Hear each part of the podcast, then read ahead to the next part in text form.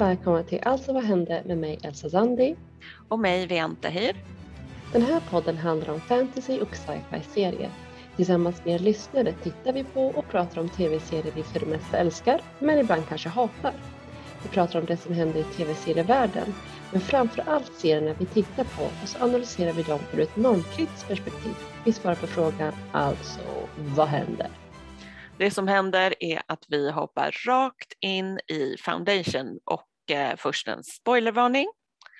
Så om vi hoppar rakt in och börjar med The Empires så har då Brother Day hoppat in i det här rymdskeppet och är på väg till planeten där den här religionen Luminism har sin bas, eller huvudtempel, eller vad man ska säga.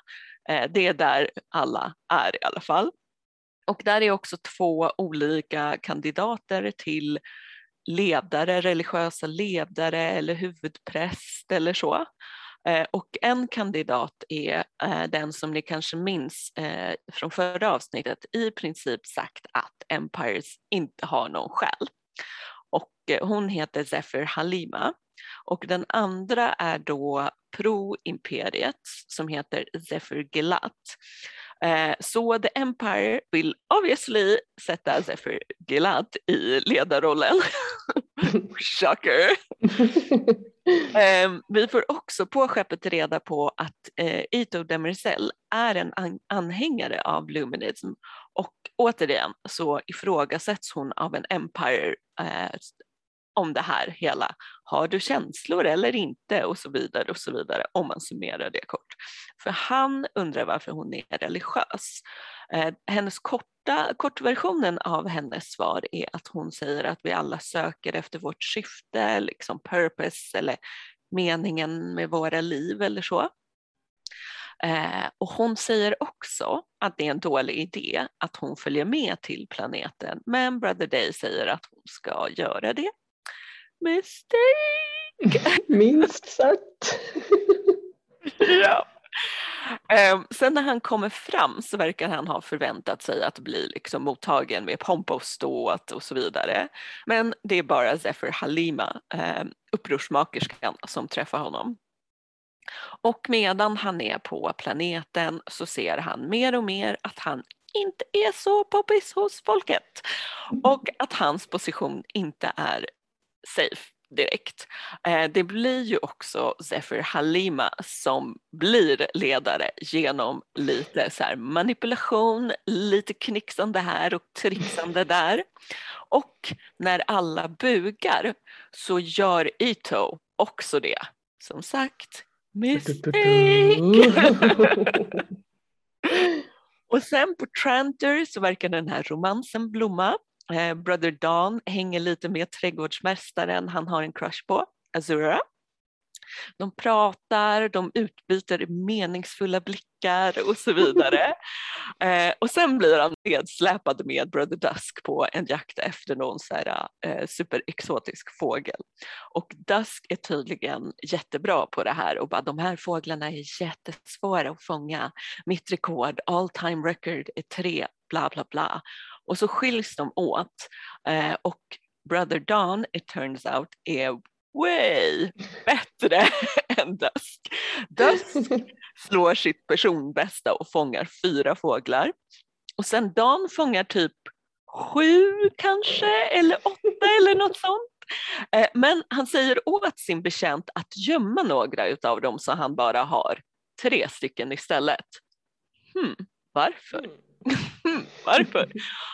Sen så ska Brother Dusk göra en man av Brother Dawn. Jo, jo, jo. Och tar honom då till en konkubin. Eh, Brother Dawn inte så intresserad av det här. De pratar lite och sen så skickar han iväg den här konkubinen och då då går hon till Brother Dusk och berättar om vad som hänt, eller snarare inte hänt. För hon spionerar alltså åt Brother Dusk. Oh, Mm -hmm.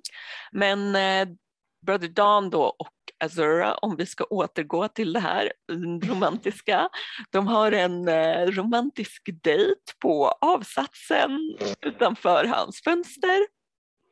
Alltså det är inte en balkong eller så, det är bara en avsats. Så kanske inte bästa platsen för en dejt. Men men, då, då avslöjar Dan att han är färgblind. Till skillnad från alla tidigare kloner. Mm, igen. Mhm. Mm. Och de kysser också varandra. Eller vad är det du brukar säga Elsa? Det blir lite... Mm, Exakt. Det blir lite sånt där. Och som sagt på den där avsatsen. Och ingen har ett kraftfält på sig. Ehm, ja, men de var väl upptagna med att tänka på annat, gissar jag. Och sen på Terminus, eh, där istället så har kaoset börjat lägga sig, eller lägga sig och lägga sig. Eh, saker har slutat explodera förrän efter en stund. Tills vidare så har saker slutat explodera. Salver blir tillfångatagen, sen blir hon räddad av ett gäng kids som berättar att Anacreons har pratat om ett skepp, Invictus, som tydligen är någon så här form av legend eller spökskepp eller någonting sånt och som kan förstöra en hel planet. Hugo och Salvers pappa då dyker upp och bara nu måste vi dra Anacreons eh, skepp så de inte ska kunna ta sig av planeten och hitta då det här Invictus. Meanwhile så håller Anacreons på att samla ihop en eh, besättning. De letar liksom efter piloter och så vidare bland de här vetenskapsmänniskorna. Men då visar det sig att bland annat Lewis kan flyga ett skepp.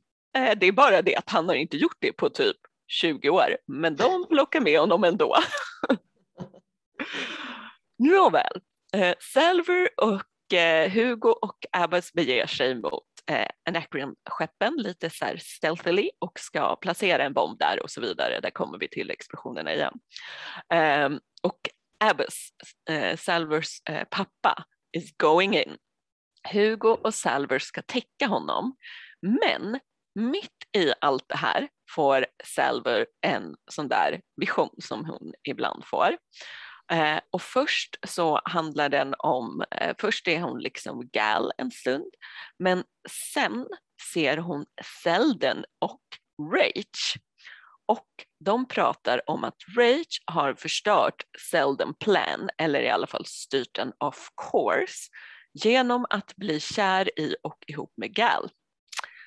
Så nu är tydligen enda lösningen att Rage dödar Selden och lämnar skeppet men får absolut inte råka göra Gal till eh, medbrottsling. Men Rage, som vi vet, skickar ju Gal av skeppet istället eh, när han egentligen skulle lämna det själv. Och där tar Salvors hallucinationer slut, så vi vet fortfarande inte riktigt. Eh, men de tar slut och hon har då inte täckt sin pappa som är nu påkommen och blir jagad av Anacreons soldater. Hon lyckas liksom skydda honom en bit eh, men ända, alltså inte hela vägen. Så pappan eh, blir tillfångatagen eh, men innan, eh, någonting, innan de hinner göra någonting annat så detonerar han bomben och offrar sig för att skeppet ska förstöras. Eh, så Salvers pappa dör där. Eh, och sen blir Salvor och Hugo tillfångatagna igen. Eftersom, alltså Salver hon bara springer runt och blir tillfångatagen stackarn. Men eftersom Hugos skepp nu är det enda som finns så bestämmer sig Anacreons för att ta det istället. Och då, så här last second, så programmerar Hugo om skeppet med någon form av kommando så att bara Salver kan styra det och Anagrians har inget annat val än att låta henne leva för hon måste flyga skeppet. Och hon säger att hon inte kan flyga det utan Hugo så de har inget annat val än att låta honom leva och följa med skeppet. Och så lämnar de planeten. Du, du, du. Du, du, du. Tackar, vilken foundation du gav oss för här. Jag tycker det var ett jättespännande avsnitt. Eh, vad säger du? Alltså jag är igen tillbaka på så här, ja, nej, kanske. Alltså det läget igen. Jag tror att jag blev så hyped up av förra avsnittet så nu vill jag ha lika mycket hype. Men vad tycker du? Alltså jag tyckte att det var spännande, men jag, men jag håller med dig. Jag, jag vet inte vad jag ska säga för ord, men jag kände mig lite, så här, lite likgiltig till karaktärernas öde. Liksom. Jag är liksom inte helt så investerad, för jag känner att jag inte känner dem ordentligt. Så jag är också så här... Mm. Ljummen, du kanske är ljummen? Medium rare? Något sånt. Någonstans där är jag i alla fall. Eh, och det är nog samma känsla som dig där. Jag är inte så investerad och jag är specifikt inte investerad i Terminus. Eller igen det här som jag sagt innan. Jag är inte så intresserad av Terminus. Jag vill bara veta the vault. That's all I need. ja, men jag är inte heller så investerad i Terminus. Bryr mig faktiskt inte så jättemycket om vad som händer. Jag tyckte det var väldigt sorgligt när hon förlorade sin pappa. Den scenen var ju mäktig så, men jag tycker faktiskt inte att att eh, Lee Harvey som spelar Harding är duktig. Eller just det där. Jag vet inte, jag vet inte om det är någon slags unpopular opinion, men jag tycker inte att hon levererar det. Eller vad säger du? Det är faktiskt eh, inte alls en unpopular opinion. Jag har läst att det är fler som tycker som du. Så mm. du har fler på din sida. Men jag tänker på det här som jag har sagt förut också med hennes bakgrundshistoria att så här, i jämförelse med Gals origin story så tycker inte jag Hardins var så bra. Plus att jag också har since day one inte gillat Hugo. så jag tänker att så här, jag funderar på om det kanske är något så här, manusfel, typ att hon inte har de bästa förutsättningarna. Alltså det kan ju vara så, så kan det vara. Jag tyckte att det var att jag, för mig var det mest just det här uttrycket av sorg som hon inte levererade bra när hon förlorade sin pappa. Jag köpte liksom inte den scenen. Just den tycker jag inte att hon levererar. Annars tycker jag faktiskt att hon är rätt duktig. Hon är ju bra på att spela tuff och sådär, men jag tycker inte om Terminus överlag. Det är liksom, det är inte specifikt Harding utan Terminus. Eh, för Harding är faktiskt faktiskt är jag lite nyfiken på och vill veta varför är hon så speciell. Det kommer så mycket annat som är så ointressant för mig i alla fall i vägen för hennes karaktärsutveckling. Så jag vet inte, alltså Harding, mm, okej, okay, men Terminus, nej tack. Alltså det kan ju vara så att jag inte reagerat på henne för att jag vill ju bara veta saker. Och det är liksom inte så här saker som riktigt handlar om eh, henne utan det är så här, vad är det valt? Vad är det med hennes visions som är kopplade till Rachel Gal? Mm. Vad mer kan vi få veta i den storyn från henne? Så Salvor Hardin för mig är som en källa för att få veta de sakerna så jag tror inte jag reagerar så mycket på hennes uttryck. Jag bara, får jag mer visions? Talk to the vault. Ja, men, det, men det är lite precis, men äh, det är precis så. Jag tycker att allt annat kommer i vägen. Det politiska, hennes relation till båda föräldrarna, sen hennes relation till Terminus och hennes relation till Selden och så Hugo. Jag bara tycker att hennes karaktärsutveckling inte är välskriven. Det är kanske som du säger, manusfel kanske? Kanske, kanske. Men speaking of hennes visions. Mm. 10 poäng för spåret om Selden och Rage. det var väldigt skönt att vi fick veta det rätt snabbt, för jag trodde de skulle hålla, hålla in på det här så sjukt länge för att försöka vara spännande och mystiska. du, du vet, med sina cliffhangers. jag, jag, jag, tycker det är väldigt skönt att vi, att vi fick reda på det relativt snabbt ändå. Men vi vet ju fortfarande inte varför de är i maskopi med varandra till exempel. Varför är Seldon tvungen att dö? Varför hit och dit? Varför, varför, varför och så vidare. Mycket frågor fortfarande känner jag. Ja, alltså av det vi vet så har ju Rachs eh, relation med Gal fuckat upp the Seldon plan. Så mm. Seldon försöker liksom rädda den genom att bara okej okay, du måste döda mig och fly. I don't know about that plan men okej. Okay. Hur dramatic. ja, lite, lite. Men Rach flippar liksom eh, eller så här, svänger om planen igen genom att skicka iväg Gal då. Mm. Men det var ju precis det vi pratade om i förra avsnittet, att, att det inte var meningen att Gal skulle vara på skeppet för jag, hon kan inte ens styra det eller någonting. det, var, det skulle ju vara Rach. Nej men precis. Och sen är min teori så här. Selden skulle dö, Gal skulle vara kvar på skeppet och Race skulle försvinna. Och eh, liksom bara han skulle försvinna och Gal skulle absolut inte bli implicated som med, medskyldig. Eh, för att hon skulle vara kvar på skeppet istället för Selden och då mm. räkna vidare på form, eh, formlerna och fortsätta liksom föra planen vidare. Nu är hon borta and it's all a mess. Yes, it's all a mess. Men, men, men, hans meddelande, hans sista ord var ju till henne att hon fortfarande kan lösa det här. Så ja. helt fucked up kanske inte är. Ja, men lite högmodigt dock att han försöker lista ut Selden Plan som han inte förstår. Och bara, vad, vad, vad, vad är det här för ledtrådar Rach? Vet du ens vilka ledtrådar du ska ge? Men hoppas att han har rätt i att hon kan lösa det. Eh, och vi litar ju ändå på Gal så hon lär ju fixa det här no matter what. Absolut, vi litar ju blint på henne. Och jag är så, jag tycker den resan ska bli spännande faktiskt. Oh, men tyvärr fick vi inte se mer av Galin här av det här avsnittet. Så jävla typiskt. Äntligen är hon tillbaka. Så bara, nope. nope, just kidding. Men, men apropå Seldons plan nu.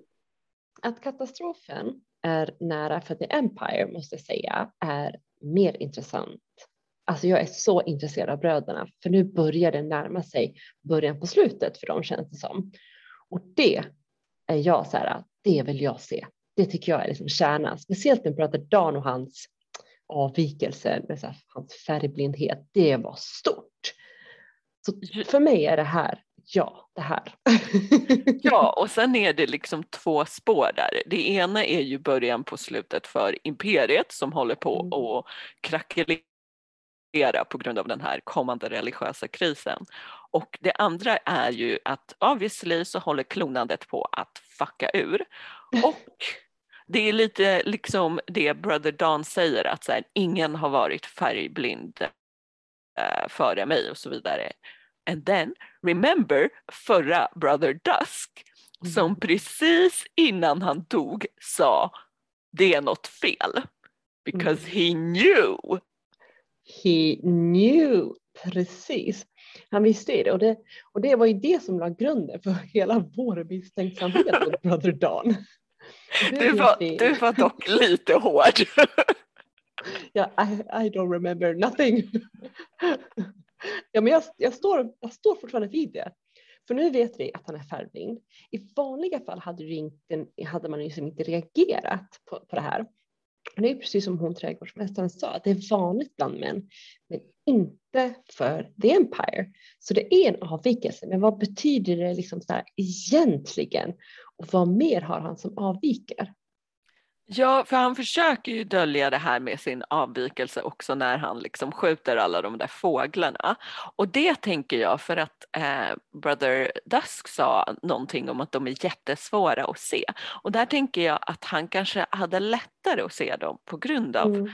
färgblindheten. Men en annan sak är ju också, kommer du ihåg att han tog upp glaset med fel hand i förra avsnittet. Tänk om han är vänsterhänt också. Mm. Och sen är det ju det här med att han eh, emotionellt verkar lite mindre skadad än de andra. Men det kanske inte är bara på grund av klonandet utan liksom ett personlighetsdrag. Eh, alltså jag tror absolut att han är vänsterhänt nu när du säger det. Eh, alltså jag, tror, alltså jag tror att det kommer börja så smått, men ju äldre han blir desto mer kommer han att skilja sig, både så mentalt, typ att han har ett starkare psyke kanske eller svagare. Tänker att han faktiskt, eh, eh, alltså jag tänker så här att han hoppade ur, ut ur sitt fönster för att testa hur bra hans sköld är.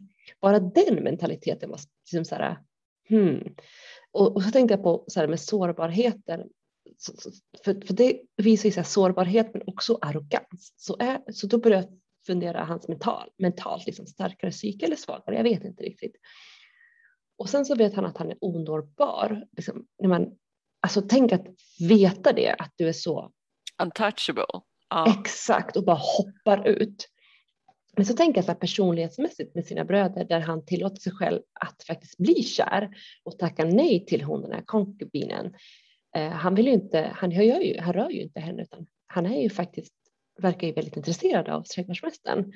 Han har liksom andra behov och det är så sjukt intressant att se vad det här, hela det här betyder för inte bara imperiet men hela universumet. Ja, alltså med hans personlighetsdrag så är det liksom summa summarum känns det som att han bara just nu inte är lika mycket av en mess som de andra. Jag tänker på förra gången vi såg eh, konkubinen med Brother Day och så vidare. Mm. Eh, Brother Dawn verkar ju obviously inte en lika mycket av en mess som den situationen. Mm, precis. Och som jag sa igen, samtidigt, jag ska säga det, jag tror ju fortfarande, som jag sa förra, förra avsnittet, att händer det någonting med henne, alltså eh, trädgårdsmästaren, äh, trädgårdsmästaren, så kommer han bli evil, lätt. Han kommer bli evil. Jag tror att hon är lite, men jag tror faktiskt det. Jag har faktiskt, du vet ju som jag är, paranoid, misstänksam. Jag litar inte du, på någon. Du var misstänksam mot en bebis, Elsa. Han är inte en bebis nu och jag är fortfarande misstänksam. Stand by this.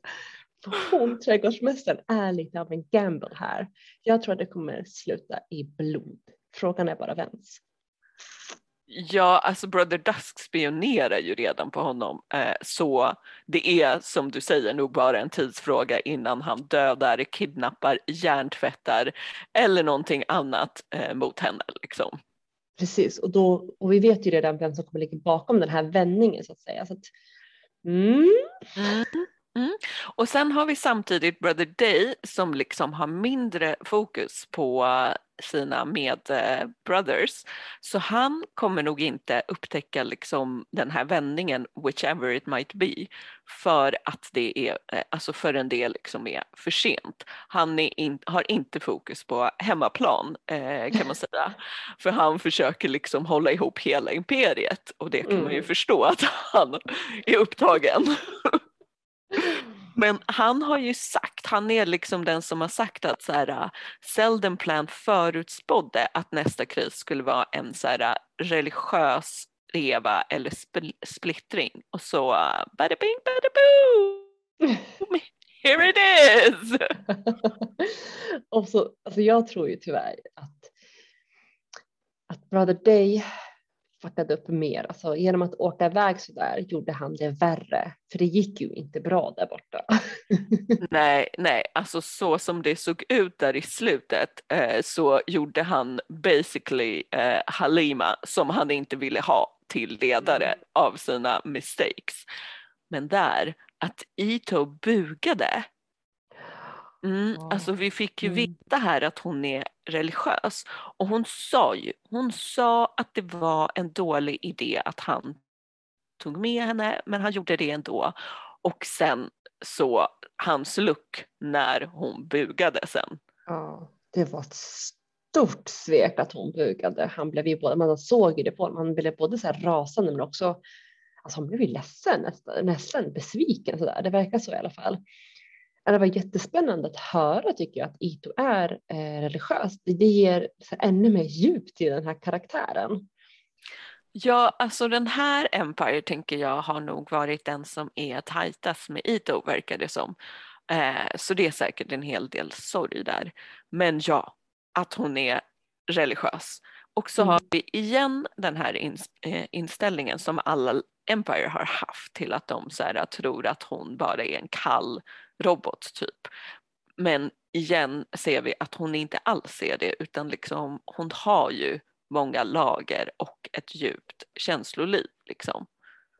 Och det är synd att vi inte får veta och se mer av henne. Alltså jag tänkte på hennes bakgrund och vem hon är och så. Så det är, jätte, det är så himla synd. Alltså det är ännu en karaktär som tyvärr inte får ta det utrymmet som hon förtjänar. Så igen upplever jag att mycket annat tar plats än de, de intressanta karaktärerna. Ja, vi bara, vi vill ha Gal. De bara, no, jag har ju tjatat, alltså tjatat om att få se Ytomir och de bara no! Och det är så frustrerande att det är just de här två karaktärerna vi har fastnat för. Det är så frustrerande. Alltså jag tycker att det är så mycket fokus på det visuella som absolut är helt breathtaking och eh, det mystiska. Men det är ju på bekostnad av bra karaktärutvecklingar tycker jag. Eller? Ja, alltså här tror jag att det nu börjar märkas att man har försökt baka ihop hundratals år av storyline från Foundation eller liksom försökt att göra någonting som grundar sig på Foundation än eh, liksom eh, ja, som grundar sig mer på Foundation än vad det actually är Foundation. För mm.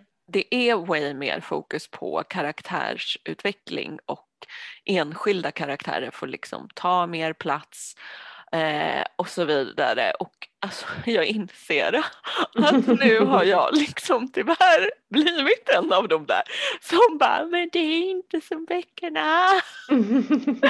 men jag kan, inte, jag kan inte låta bli, bli liksom.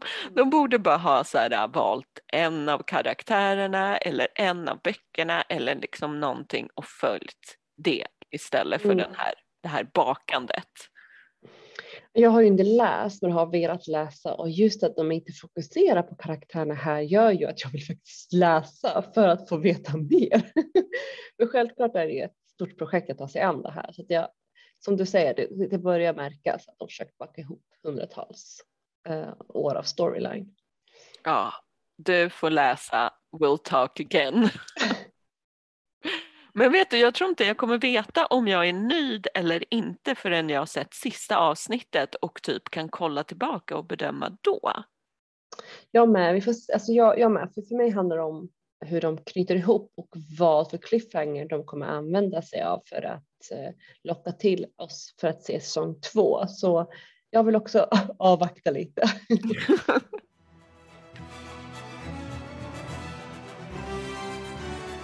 Okej, okay, Lian, hur går det med detektivandet i osynlig stad nu då?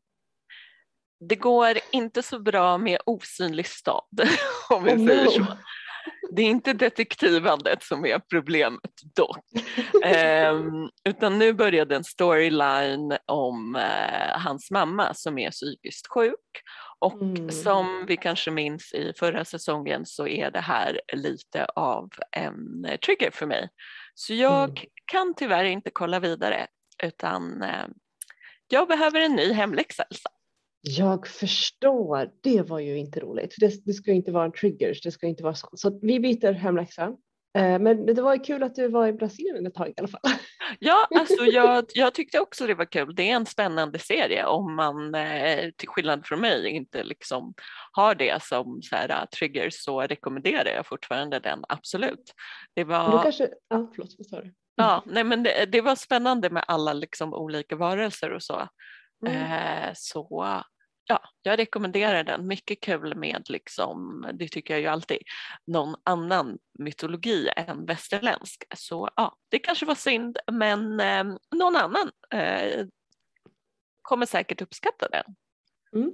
Vi kanske skulle kunna titta på den här affischen också. Vi skulle kunna lägga upp den, för nu kanske man kan, för nu är det blockerat att titta på den.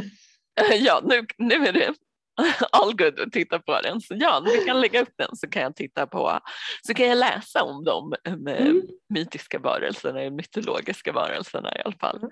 Och då får du ta del av dem ändå liksom, så det är ganska nice. Ja, faktiskt. Jag kanske tar, kan läsa någon annanstans liksom och så, mm. för det var fett spännande som sagt. Mm. Eh, men eh, hur går det för dig? Nu blir jag orolig. Hur går det för dig med Dr. Who? Dalexeners. Uh, eh, ja, alltså den här var ju så här, den här det var en ny doktor, så det var kul att lära känna en ny doktor. Och det här avsnittet så gjorde hon så här, hon gjorde lite så fun of Americans.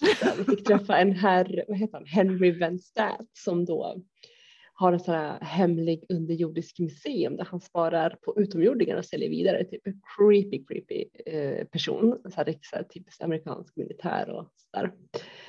Och sen så, de hamnar där i den här, den här, det här museet och det är så här high tech så kommer hela SWAT-teamet liksom och bara tar doktorn Och hans eh, medhjälpare heter Rose i den här, Mm.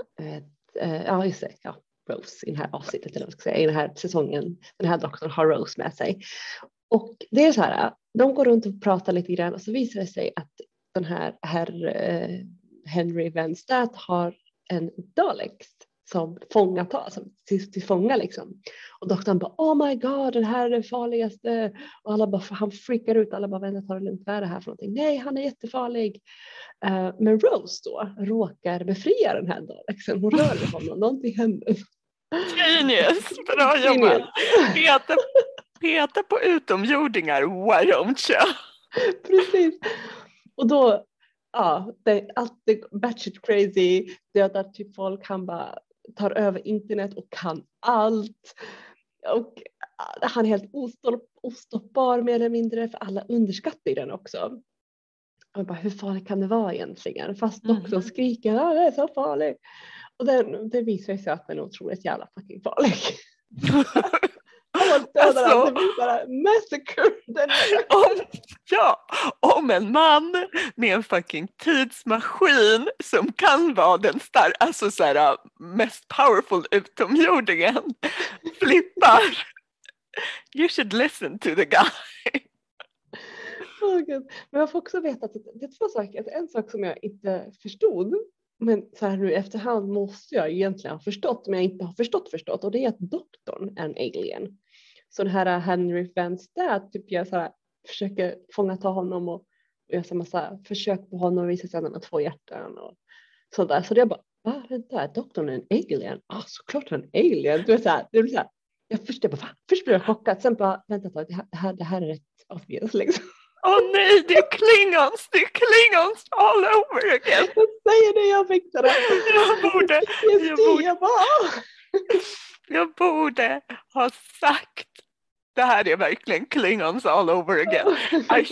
Jag borde ha liksom börjat med det kanske. Alltså så här, explicitly säga det här är en utomjording. Eh, så förlåt för den. det, det är lugnt, det var bara så här, ja, alltså egentligen, sen sen när det sjönk, det är sen, sen bara när jag tänkte till, jag bara fast det här är ju rätt avigt, såklart han inte är en människa, liksom, men en alien. Men det visar sig i alla fall att alla Daleks är döda. Och att han är då den här Daleks som då finns i här, det här museet står utan en befälhavare. Så han är ju lite lost. Han vet liksom inte riktigt vad han ska göra för han är soldat through and through. Så det är lite så sorgligt. Han bara, jag har bara en mission, men jag har, jag har ingen befälhavare. Så jag vet inte vad han ska göra. Men han är så jävla evil så jag kan tycka synd om honom ändå. För han är bara kill, kill, kill. Exterminate. Ja, men precis. I alla fall så, så folk dör ju. Han, han dödar ju typ alla den här Daleksen. Liksom. Och för att skydda sig själva så måste de typ stänga ner delar av museet. Och Rose, hans medhjälpare då, blir kvar. Och då tror man att Daleksen kommer och dödar henne. Men det visar sig att när hon rörde honom där förut och befriade honom, råkade befria honom så hade han absorberat lite av hennes DNA vilket gör att den här Daleksen börjar förändras, typ blir känslig och lite mer mänsklig och sådär. Så det är ju typ såhär death to him. Han dör ju till slut den här Daleksen. Uh, men alltså jag måste vara ärlig, han såg ut som R2D2 fast evil. Jag kunde inte ta honom på allvar. Jag bara, åh, R2D2, yeah, yeah. Så jag bara, nej, nej, nej. Vart mission. R2D2, vad gör du? Ja, precis. Men jag tyckte om det här avsnittet just för att den var lite mer så här existentiell. För han började prata om att han förändrades rent så här i DNA och fick så här andra tankar och till slut så ville han bara sola sig liksom så dör han. Så det var lite existentiellt så tänkte jag. Så jag tyckte det var kul och det var, det var kul att träffa en, en ny doktor för att jämföra så. Men han, alltså jag, jag, jag fnissade, jag ska vara ärlig, jag fnissade. Jag, jag, är, inte, jag, är, inte, jag är inte rädd för den här Daleksen än. Jag har inte lärt känna honom riktigt Alltså, ordentligt. nej. Och det är ju det som är grejen. Det här är varför jag har väntat med att visa dig Daleks. För de ser ju fett töntiga ut. Tyvärr. Det här är ju, det är här man märker att serien är från 60-talet. De har liksom inte ändrat Daleks sedan dess. Nej. Eh, Så det är därför de ser ut som de gör. Eh, och jag höll på och klurade på vilket Dalek-avsnitt du skulle få se men så tänkte jag här får du lite så här the nature mm. of Daleks och om du skulle se ett annat Dalek-avsnitt då skulle du behöva se typ tre stycken för att hänga med i storylinen och så vidare. Och så, vidare. Ah, okay. Eh, så jag tänkte att du får den här, du får en Dalek, uh, let's just go for that. Men nu undrar jag, vad, nu har du ändå sett en ny doktor och då undrar jag, har du någon favoritdoktor? Alltså jag har jättesvårt att kolla på det för jag tyckte den här doktorn var lika bra som den andra doktorn om jag ska vara ärlig. Uh, jag tycker om dem båda två lika mycket. Jag känner att jag behöver se mer och kanske även koka in en tredje doktor för att, liksom för att se. Jag vet faktiskt inte, jag har ingen favorit än. Mm. Jag tycker de är båda väldigt eh, lika.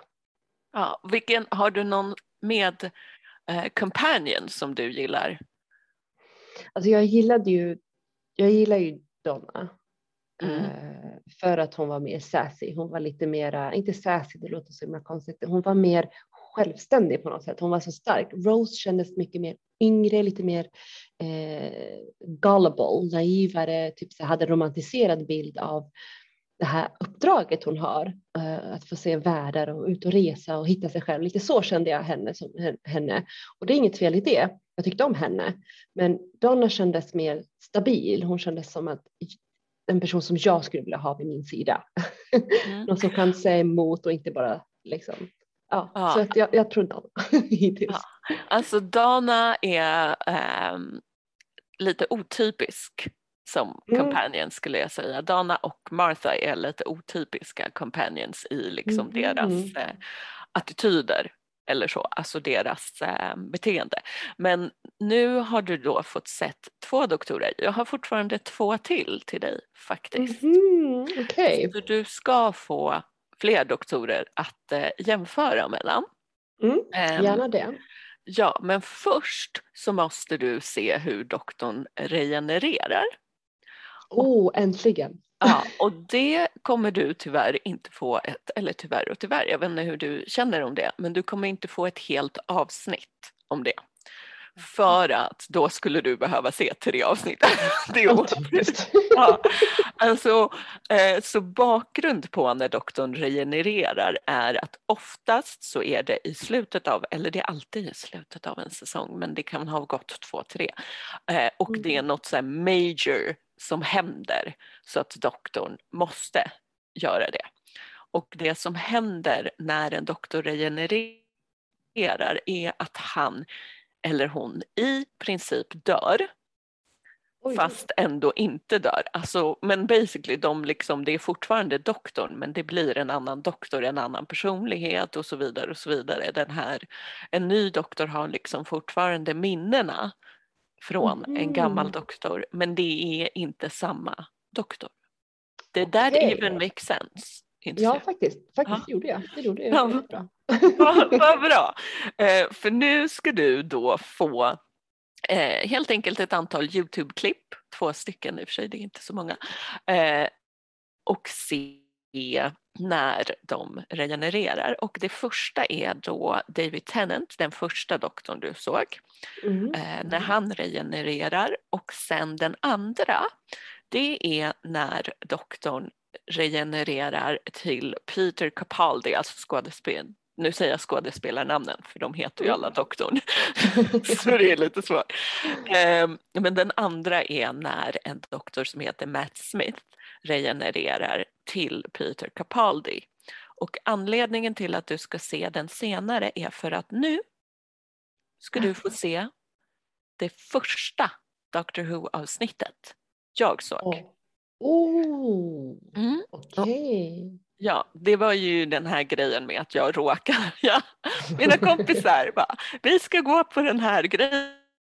Jag bara okej, okay. och så var det en så här filmscreening av första avsnittet.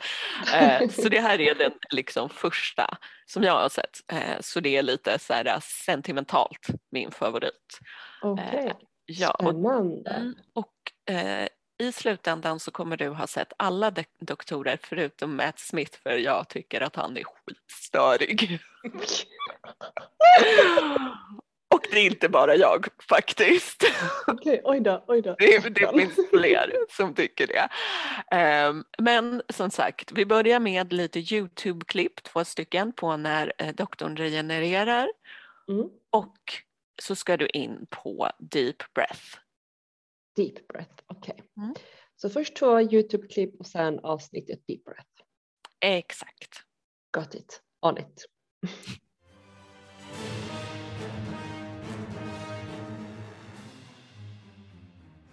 Vad kommer Elsa tycka om min favoritdoktor? Kommer Evil Empire Baby bli Evil Empire Teen? Vad tycker ni om Salvor Harding? Hör gärna av er på Instagram, Facebook och Twitter där vi självklart heter att Alltså vad hände? Du har lyssnat på Alltså vad hände med mig Elsa Zandi. Och mig Vian Tahir. Vi hörs på onsdag när vi pratar vidare om Foundation och Doctor Who.